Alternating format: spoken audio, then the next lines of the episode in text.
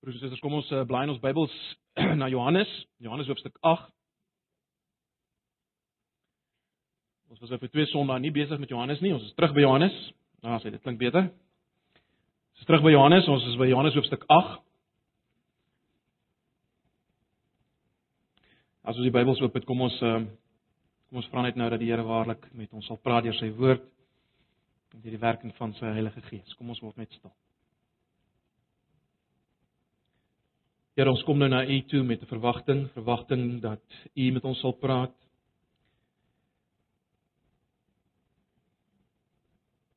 Dat U ons oë sal oopmaak om U alleen weer te sien. Volgens dan spesifiek as die lig vir die wêreld, die lig vir ons elkeen. Here, U ken ons. U weet hoe ons dikwels so vasgevang is in ou patrone van denke. Ons is dikwels so vasgevang selfs deur dit wat ons al so baie jare ken dat ons U nie meer kan sien nie. En daarom wil ek bid dat U ver oggend waarlik met hierdie woord en deur die Gees ons ook sal vrymaak om dit te kan sien om die waarheid te kan hoor op 'n nuwe manier. Asseblief, Here. Kom praat met ons en verheerlik U self in ons midde.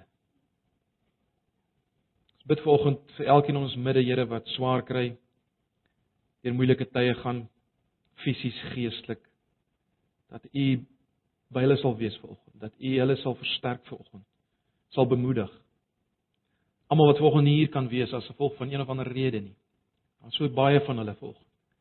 Ag Here, wees naby hulle. Vertroos, versterk, bemoedig wees ook hulle lig in hierdie oggend. Ons vra dit in Jesus se naam. Amen. Nou broers en susters, ons gaan volgende net Johannes 8 vers 12 lees, maar ek wil asseblief vra dat u die Bybel sal oophou, uh want ons uh, gaan die hele hoofstuk van Johannes 8 tot uh, vers 12 verder gaan ons 'n uh, soort van 'n oorskou van neem. Uh so hou die Bybels oop, volg asseblief.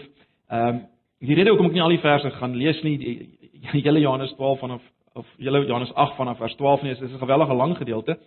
Ehm uh, en dit gaan 'n bietjie ons ons tyd beperk, maar ek is bewus daarvan dat julle ook uh, of die meeste van julle uh besig is met Johannes in die in die selgroepe ehm um, om Bybelstudies, so ek vertrou julle sal self ook maar weer die hele Johannes 8 gaan lees uh sodat julle die hele raamwerk kry.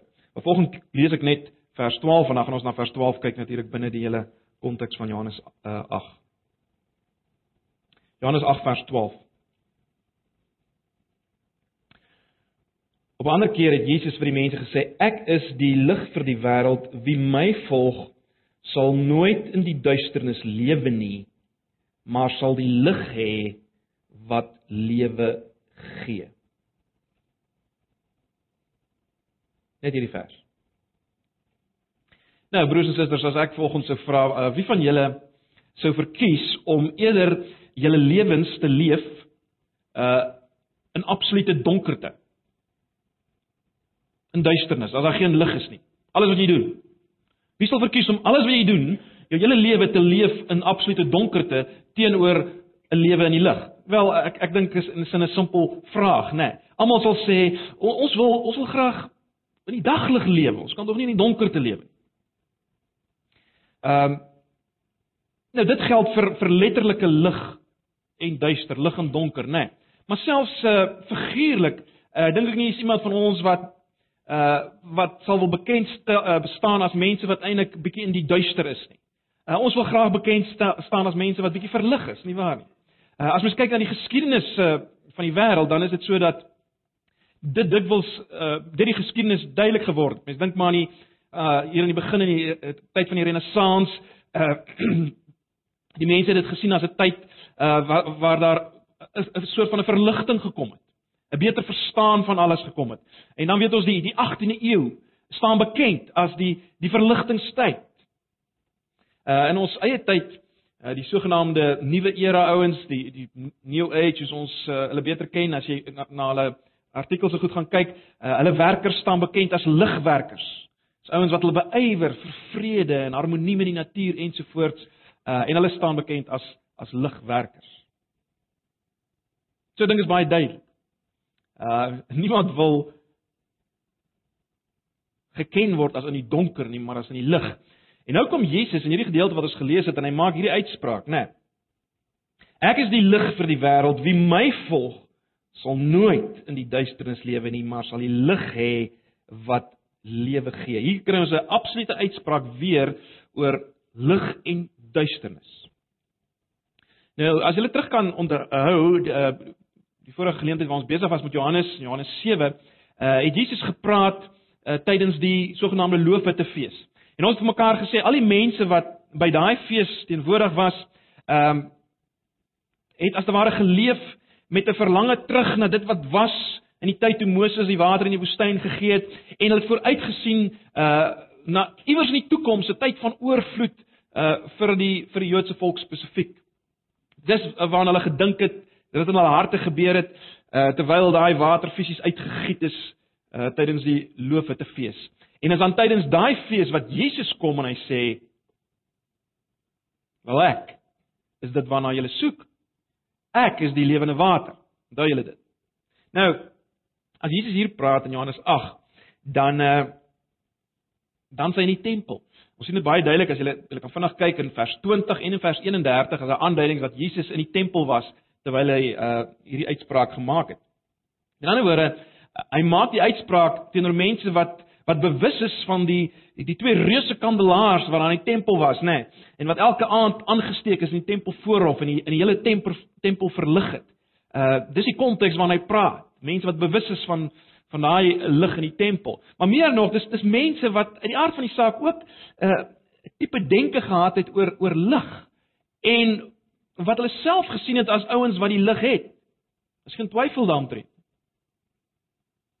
Dis hulle self gesien het as mense wat die lig het. Hulle as as Joodse volk en hulle wat die wet van Moses het. Hulle self gesien as ouens wat wat die lig het.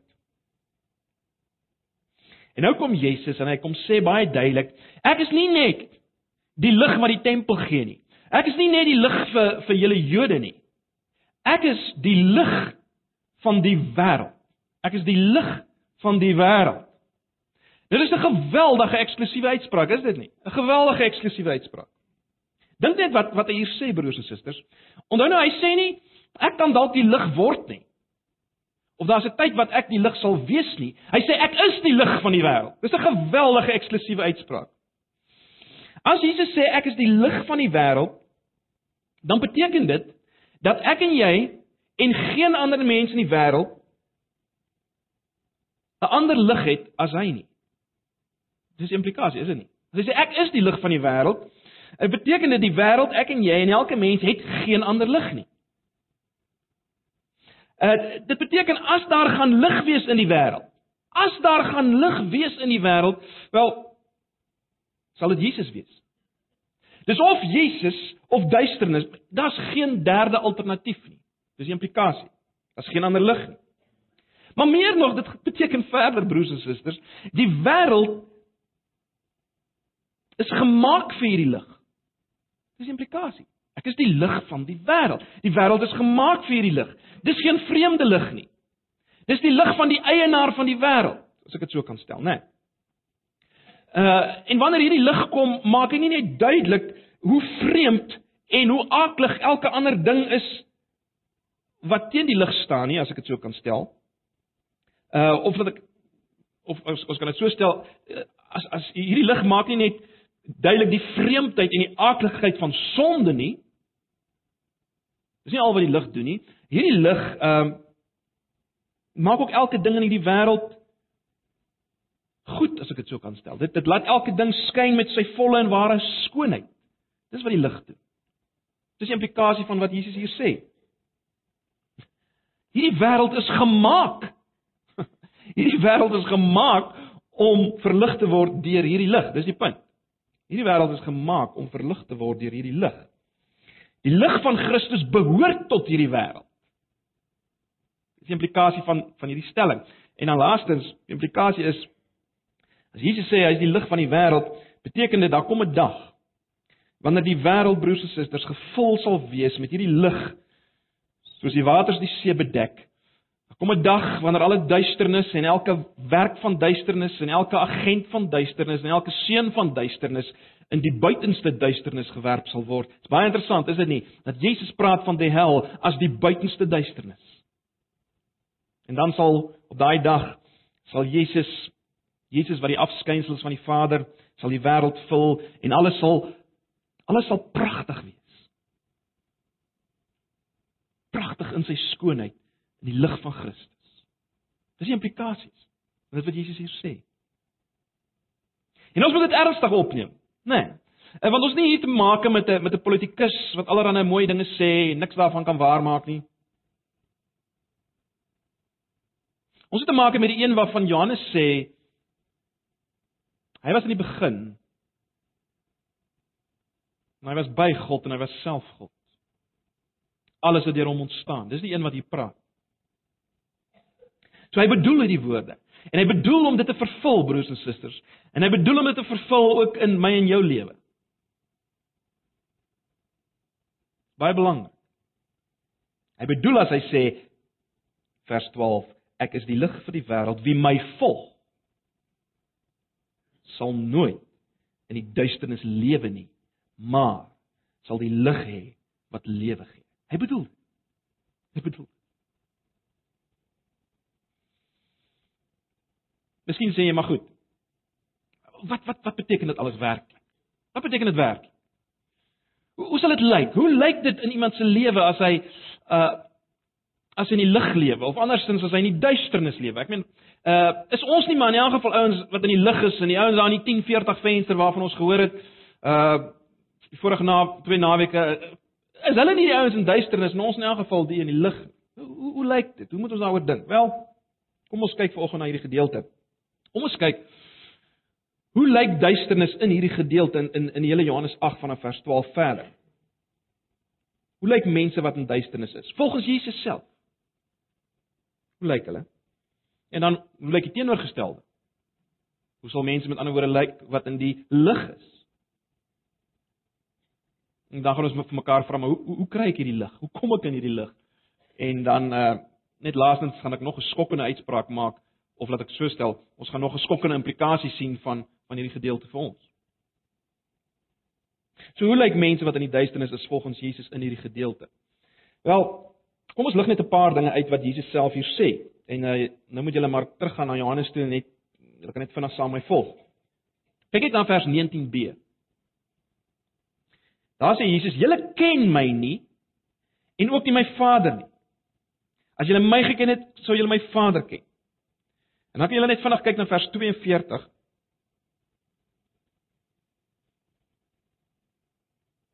As God julle Vader was, sou julle my lief hê, want ek het van God gekom en hier is ek nou. Ek het immers ook nie uit my eie gekom nie, maar hy het my gestuur. Belangrike ding, as God julle Vader was, sou julle my lief hê. So wat wat probeer ek sê? Wel, dit is baie duidelik om in duisternis te wees is om Jesus nie te ken nie. Nou ons moet altyd onthou die woord ken, sy hele agtergrond in die Ou Testament uh, dit gaan nie hier oor intellektuele kennis nie. Ken uh, in die Bybel en spesifiek ook in die Ou Testament, maar dit is hoe Jesus dit hier gebruik. Ken uh het te maak met 'n uh, intieme ken. Ehm uh, dis dis die woord wat dieselfde woord wat gebruik word vir huweliksgemeenskap dikwels. Dis 'n intieme ken. Iemand wat in duisternis is, ken Jesus nie so nie en uh dit word bevestig deur vers 42 wat sê uh julle het my nie lief nie. Julle het my nie lief nie.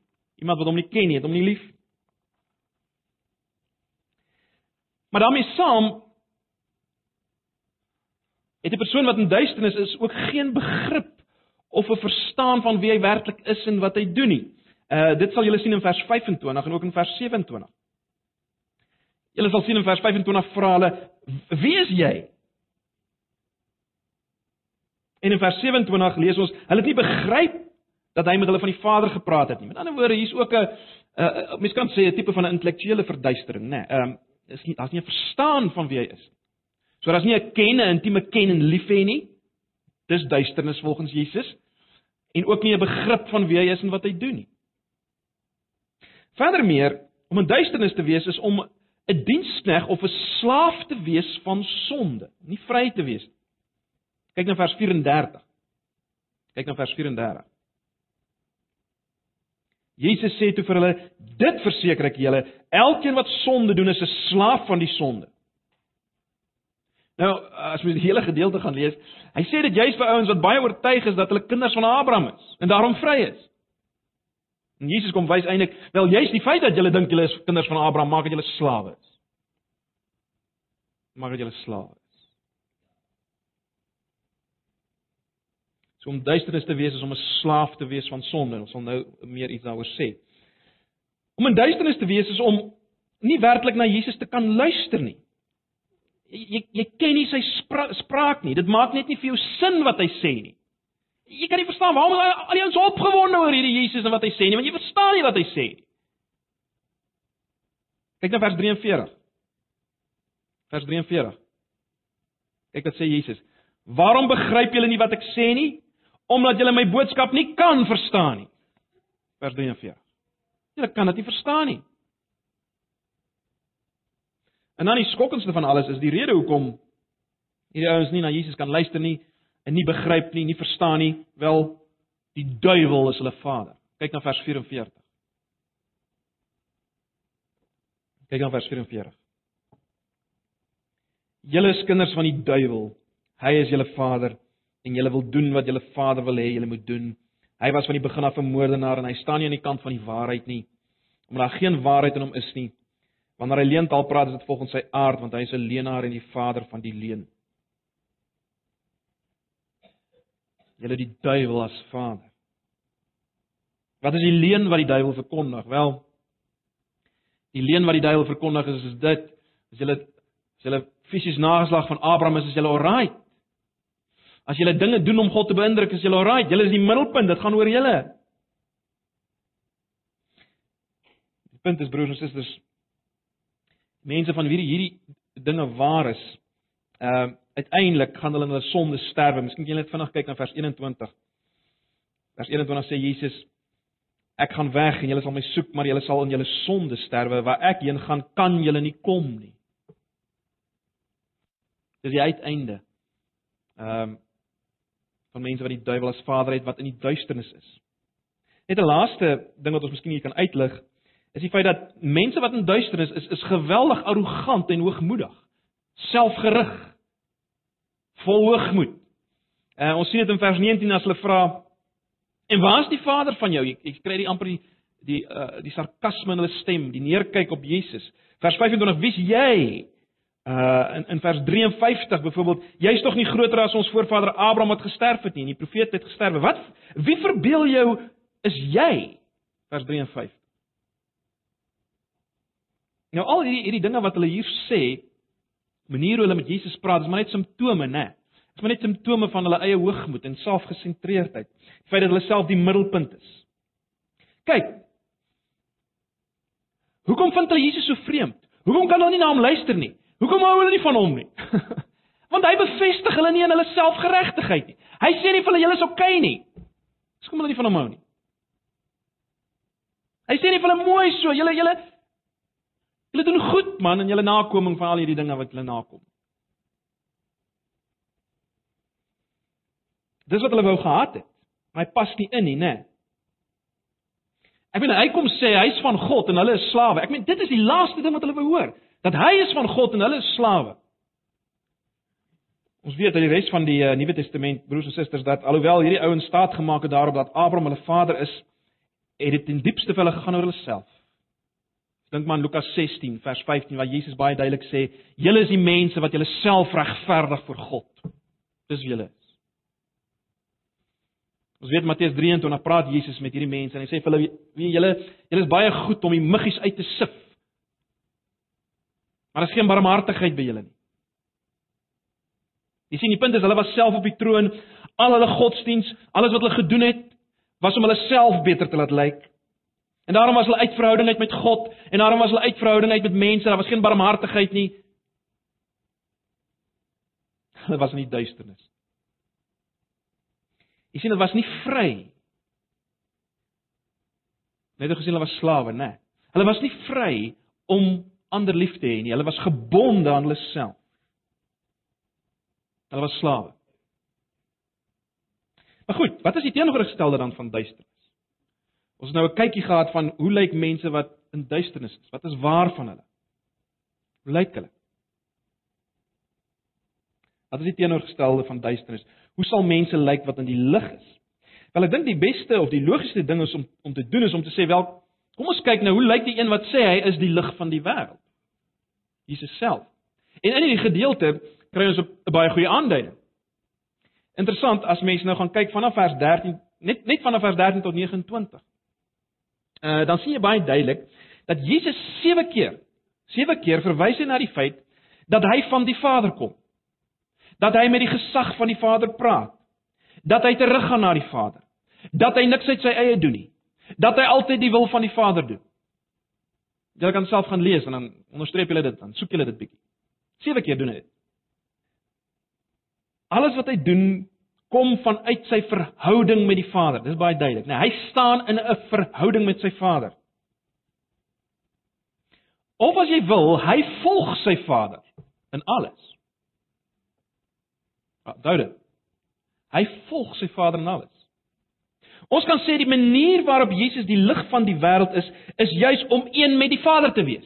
Dis hoe hy die lig van die wêreld is. Die manier waarop hy die lig van die wêreld is, is om is om om een met die Vader te wees. Dis juist omdat hy een met die Vader is, is dat dat hy die lig van die wêreld is. Omdat hy van die Vader kom en namens die Vader praat, uh en na die Vader gaan en een is met die Vader, dit is hoekom hy die lig van die wêreld is. So wat is die implikasie? Vir ons, wat is die teenoorgestelde van in duisternis wees? Wel vir ons beteken dit om in dieselfde verhouding met Jesus te wees as wat Jesus met sy Vader was. Dit dit is die punt. Dis eintlik wat Jesus wil duidelik maak. Om Jesus te volg soos hy sy Vader volg. Om een te wees met hom soos hy een is met die Vader. Nie meer jou eie wil te doen nie. Nie meer jou eie rigting in te slaan. Soos Jesus in verhoudings met die Vader, as jy so 'n verhouding is met hom, As jy hom volg, dan is jy in die lig. Is dit nie wat hy sê in vers 12 nie? Wie my volg, sal nooit in duisternis lewe nie. Ons sal nou weer kyk na daai uitspraak. Maar dit is belangrik om dit te sien. En wat is die dan die die effek daarvan? Wat is die effek in jou lewe? Ons het nou gesien, wat is die effek as jy in duisternis lewe? Uh by die mense rondom Jesus. Ons het gekyk na die effek daarvan. Maar wat is die effek as jy in die lig is? Soos Jesus in die lig was. Wat is die effek? Wel, die teenoorgestelde van alles wat ons net nou gesien het. Dan is jy nie meer 'n slaaf nie. Jy's nie meer 'n slaaf van jou eie selfgesentreerde lewe nie. Jy word nie meer gedryf deur jou eie drange, uh wat in diepste natuurlik dan ook van jou vader die duiwel afkom nie. Jy's vry daarvan. Jy word nie meer beheer deur die leuen dat jy die middelpunt is en dat alles rondom jou draai nie. Jy's vry, jy's uitgebuig vanuit jouself na iemand anders toe. En dis dis die vryheid. Dis vryheid. Jy leef nie meer vir jouself nie. Jy's nie meer gebonde aan jouself nie, jy's vry om vir hom te leef en vir ander te leef. Moet so te stel broers en susters, jy het die vryheid van 'n van 'n vis in die water. 'n Vis, weet ons, is net vry binne in die wa binne in water. Dit dis waarvoor hy bedoel is. As hy wil vry wees deur uit die water uit te gaan, dan dan is hy dood. Daar's geen vryheid vir hom buite die water nie. Ek en jy, broers en susters, is gemaak om in verhouding te wees met God en met die rondom ons. En en en daarom buite dit is daar geen vryheid nie. Dis duister, dood. Leuen, net soos jy dit wil uitdruk. Jy sal weet in Johannes 1 vers 4 sê Johannes van Jesus in hom was die lewe en die lewe was die lig vir die mense. In hom was die lewe en die lewe was die lig vir die mense. En julle sal onthou, toe ons op daai stadium besig was met daai gedeelte, het ek vir julle probeer aandui en ek gaan nou nie weer dit doen nie. Um, maar julle sal onthou ons probeer aandui dat hierdie lewe waarvan gepraat word is juis lewe van in verhouding wees met God en met mekaar. Die lewe wat daar was voor die sondeval. totdat die eerste mense gesterf het. Let wel nie fisies omgeval het nie, uit verhouding uitgegaan het. toe was hulle dood volgens God se perspektief. Hulle sal sterf daai dag. Dis dood. Dis dood. So die vryheid wat ons het, is die vryheid van 'n vis in die water, vryheid van in verhouding wees met God met mense, broers en susters. Maar daar's meer. Daar's meer uh implikasies uh of meer effek van hierdie hierdie lig waar ons is. Kom probeer dit so verduidelik. Ehm uh, julle sal weet as mens met sekere mense in 'n verhouding staan, ehm um, gebeur dit dat alles vir jou anders begin lyk. Dis net die effek wat sekere verhoudings op jou het. Alles lyk vir jou anders. Of om dit negatief te stel, miskien verstaan julle dit beter. Ehm uh, as jy uit verhouding uit is met sekere mense. As jy uit verhouding uit is met met 'n vriend wat naby jou aan jou is of 'n vriendin of jou kind of meer nog binne jou huwelik. Wat 'n tyd is wat jy uit verhouding uit is. Dinge is nie reg nie. Hoe voel dit? Dis doods, is dit nie? Dis asof uh, alles is in die in die duister. Alles is swaar. Alles lyk nie goed nie. Nou hoeveel te meer is die effek broers en susters as jy in 'n verhouding is met die een wat alles gemaak het, wat self lewe is. Dit is 'n geweldige effek, is dit nie?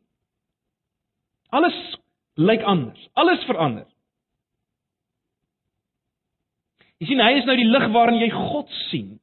God God is anders. As jou stereotipe denke van God. Die geskiedenis van verlossing is anders. Die werk van verlossing is anders, maar maar is nog baie meer as dit. Hy is die lig waarin jy berge sien en valleie sien en bome sien en plante sien, diere sien. Alles lyk anders as jy in sy lig is. Dit wil sê in hierdie verhouding met hom en met met die mense rondom jou is. Alles lyk anders. Alles lyk anders. Selfs rampe en ellendes, nê. Nee. Aardbewings en tsunamies en lyding en dood lyk anders in sy lig. En totdat uiteindelik broers en susters aan die einde sy lig die wêreld sal vul soos die waters die see. Totdat al die sonde en pyn en hartseer en aardbewings en rampe en ellende weggewerp is, tot dan is hy die lig ehm um, wat ons help om die smart rondom ons te verdra, die duisternis. As ek dit so kan noem. Hy is die sagte gloed, as ek dit so kan stel, wat jou vertroos in jou eensame kamer na vernietigende slag. Is hy die sagte gloed wat jou vertroos daar in jou kamer? Hy sal die lamp wees op jou pad wat gesaai is met struikelblok. Hy sal die een wees wat uh, vir jou iets wys van die wysheid en die liefde van God al verstaan jy nie dit wat met jou gebeur het.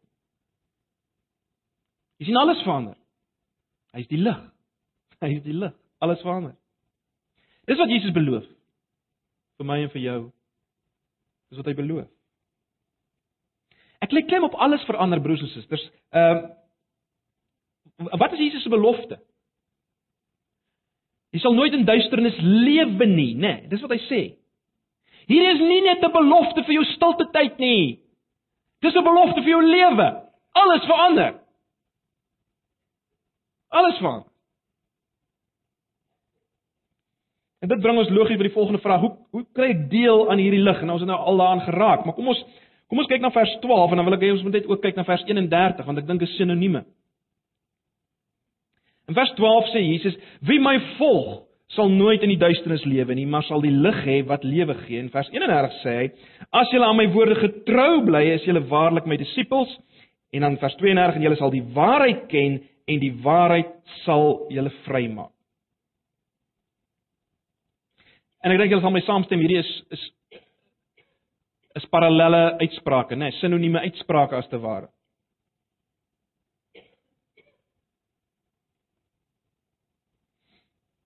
As jy in die duisternis lewe, is jy nie vry nie. Né? Nee.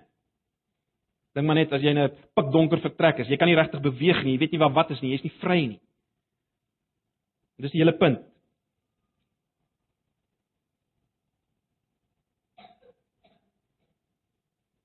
As jy in die duisternis is, is jy nie vry nie. So hierdie hierdie twee gedeeltes kan ons langs mekaar sit, nie waar nie? Die my volk sal nooit in die duisternis lewe nie, maar sal die lig hê wat lewe gee. In vers 31 wat sê as julle aan my woorde getrou bly, as julle waarlik my disippels, dan sal die waarheid ken en die waarheid sal julle vry maak. Om vry te wees en om in die lig te wees, selfe ding.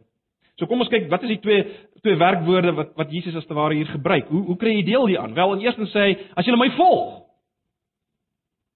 En dan sê hy as julle aan my woorde getrou bly.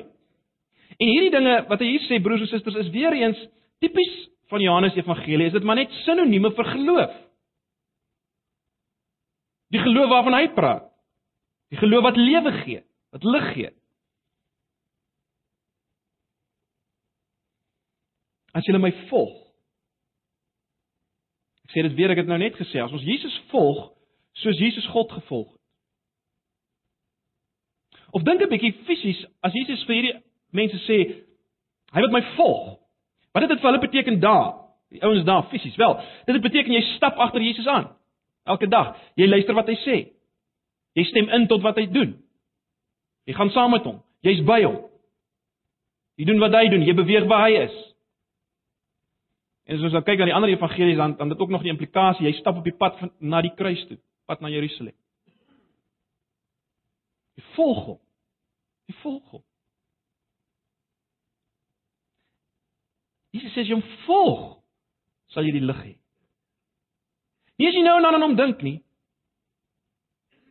Nie as jy net eenmal 'n gebed gebid het toe jy 15 jaar oud was nie. Nie as jy my as jy hom volg.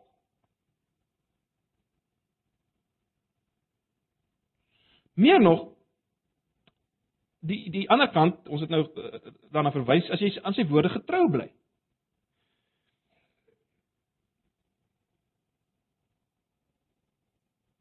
Of letterlik as jy in my woorde bly. Dit is dis is die meer letterlike vertaling. As jy in my woorde bly, as jy in my woorde getrou bly.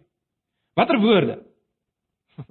Dit wat hy gesê het aangaan homself en dit wat hy sê aangaande jou buite hom. As jy daarin bly, as jy dit vat. Alles wat hy sê van homself, wie hy is, as jy dit vat, daarin bly. Nie net met ander woorde, gaan nie net oor eenmaal nie. As jy daarin bly, sal jy lig hê, sal jy lewe hê. Sal jy vry wees.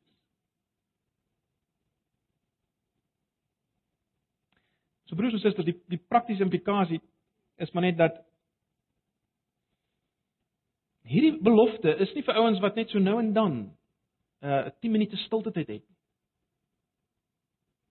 Of wat eenmaal 'n besluit geneem het nie. Nee. Nee, dis vir die wat hom volg nou die wat nou bly in sy woord.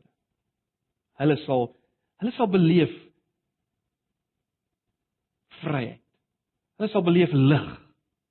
Né? Nee, die lig waarvan ons gepraat het. Dit bring ons by by die laaste opmerking. Wat is die skokkende hier? Dink vir 'n oomblik daaraan. Met wie is Jesus besig om te praat? Broers en susters, hy's nie besig om met die uitvaagsels van die dag te praat nie.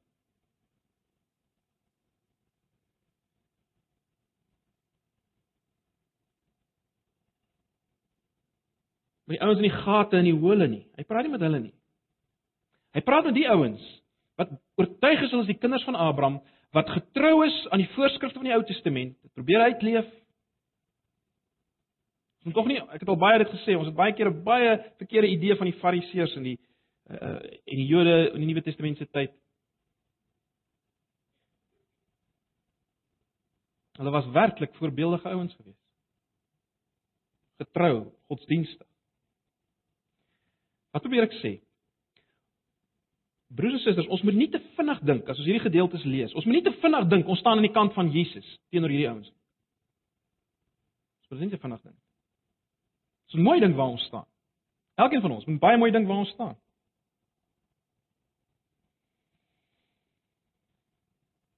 Staan ons nie dalk aan die kant van hierdie ouens nie? Ek myself afvra, staan ek nie dalk daar nie? Is ek nie dalk een wat baie goed voel oor my Christelike agtergrond. Die teologiese rigting waarna ek groot geword het, waarna ek opgelei is. My gereformeerde posisie. My kennis van die Bybel, my insig, die dinge waarmee ek besig is, die getrouheid wat ek het in die navolging van hierdie dinge, dis wat ek vashou.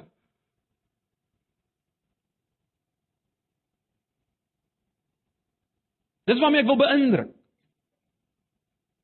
Nou word ek so wil beïndruk deur my geestelikheid in my godsdienstigheid. Omdat ek so wil beïndruk, wel wat gebeur dikwels? Ek ek leef dikwels die lewe van iemand anders in in 'n boek of iets. Of wat ek dink ek moet lewe. Of die lewe wat ek, ek dink ander ouens verwag ek moet lewe. Maar ek is nie vry nie. Ek is nie vry nie. Dalk is dit baie van ons se posisie volgens. Ons is nie werklik vry nie. Ons is nie dieselfde posisie as hierdie ouens. En ons is oortuig ons is oukei. Sê weer ons moet baie versigtig wees om te dink ons is nie in dieselfde posisie nie. Luister mooi, dit het as 'n skok gekom vir hierdie ouens. Dit dit dryf teen alles in 'n persoon. Die volk van 'n persoon, dis lig. Wat van die goed wat ek moet doen? Die die goed wat ek moet weet, wat daarvan? En ek kom sê dis 'n persoon. Broers en susters. As ons baie eerlik moet wees, vir baie van ons is dit ook 'n skok. Dit gaan oor die persoon Jesus. Dit gaan oor die verhouding met die persoon Jesus. Hy is die lig. Nie al die dinge wat ek weet wat lig is nie. Nie al die dinge wat ek doen wat lig is nie. Hy is lig. En baie seker maak waar ons staan. Maar die belofte is vir ons almal, is dit nie? Hy wat my volg. Hy wat my volg sal nooit in duisternis lewe nie, maar sal die lig hê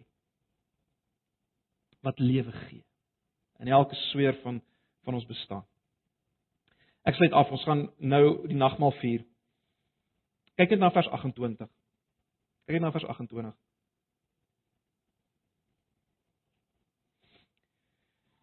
Daarna sê Jesus vir hulle: "Eers wanneer julle die seun van die mens verhoog het, sal julle begryp dat ek is wat ek is." Baie interessante vers. Waarna verwys Jesus? Wel in Johannes Evangelie verwys hy verhoging na sy kruisiging. As jy dit nie glo nie, gaan kyk maar na Johannes 12 vers 32 en 33 waar hy sê en uh en en, en as ek van die aarde verhoog is, sal ek almal na my toe trek en dan vers 33 sê Johannes vir ons van Jan, in Johannes 12, dit het hy gesê en daarmee ook aangedui op watter manier hy sou sterwe. So wat probeer ek sê? Jesus sê hierdie ouens, eers as hulle hom doodgemaak, onthou hulle sou hom hulle sou hom uiteindelik kruisig. En hy sê vir hulle eers as julle my gekruisig het, gaan julle begin verstaan wie ek is. Wat is die implikasie vir ons, broers en susters?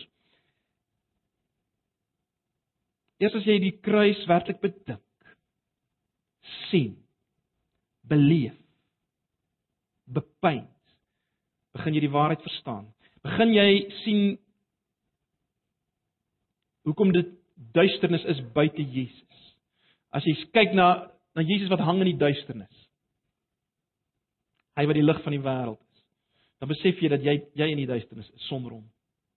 Jy besef hoe ernstig die saak is. Eers as jy kyk na die kruis. Dan besef jy dat hy van God is. Dat God hom gestuur het.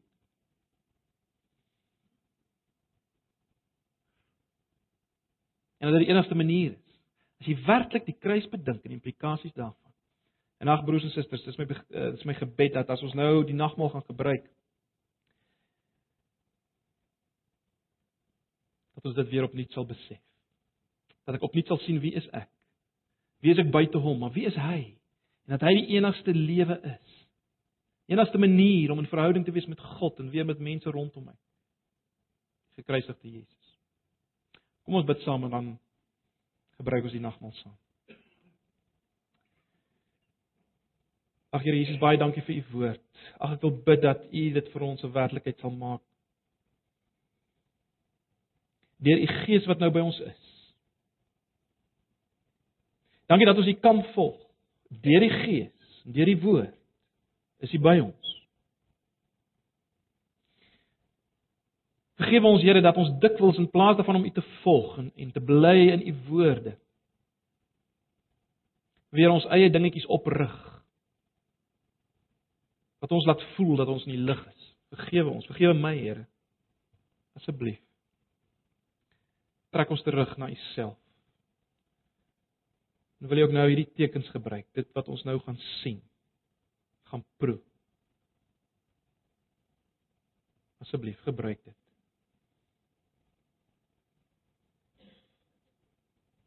om ons geloof te versterk in U, ons volg van U te versterk. Ons getrou bly aan U te versterk, asseblief. Ons vra dit in Jesus se naam. Amen.